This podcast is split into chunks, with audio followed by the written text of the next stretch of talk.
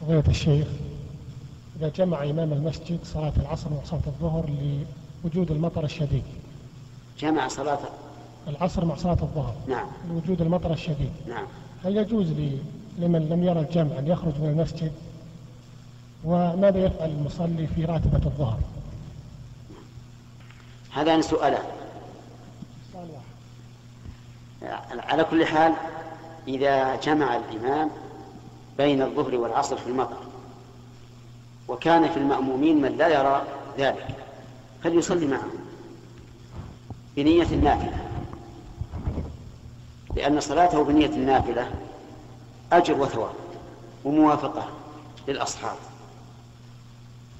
وخروجه يتضمن الشقاق والاختلاف وأن يكون فعله هذا سببا لتسلط الألسن عليه ورحم الله امرأ كف الغيبة عن نفسه فنقول إذن يصلي معهم بنية النافع.